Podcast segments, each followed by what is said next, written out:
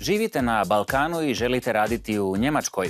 Zaboravite na azil ili rad na crno i legalno zatražite radnu dozvolu.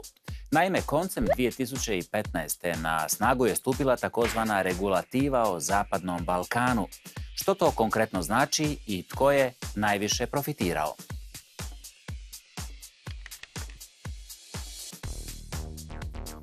Pojednostavljena procedura trebala bi građanima zemalja Zapadnog Balkana olakšati legalan dolazak u Njemačku, ali olakšice očito nisu iste baš za sve.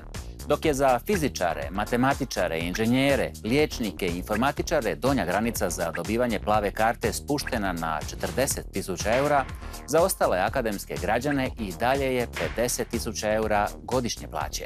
Za zanatlije doduše ne postoje novčana ograničenja, ali medicinsko osoblje, mehatroničari, vozači i frizeri puno lakše dobivaju posao u Njemačkoj od recimo trgovaca ili sekretarica.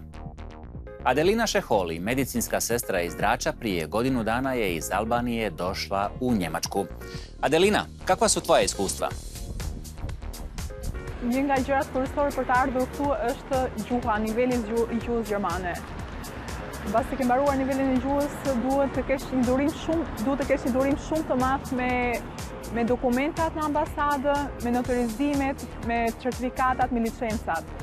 Basi ke mbaruar të gjitha këto, bas në ardhjen në Gjermani, duhet pastaj patjetër një durim shumë i madh unë dhe një korektësi shumë e madhe me kolegët, një korektësi shumë e madhe dhe me orarin. Orari është një nga gjyrat kërësore këtu.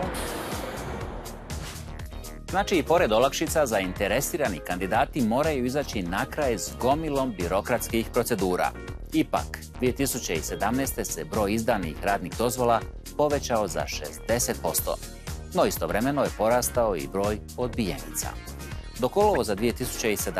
Savezna agencija za rad izdala je skoro 63.000 radnih dozvola i oko 17.500 odbijenica.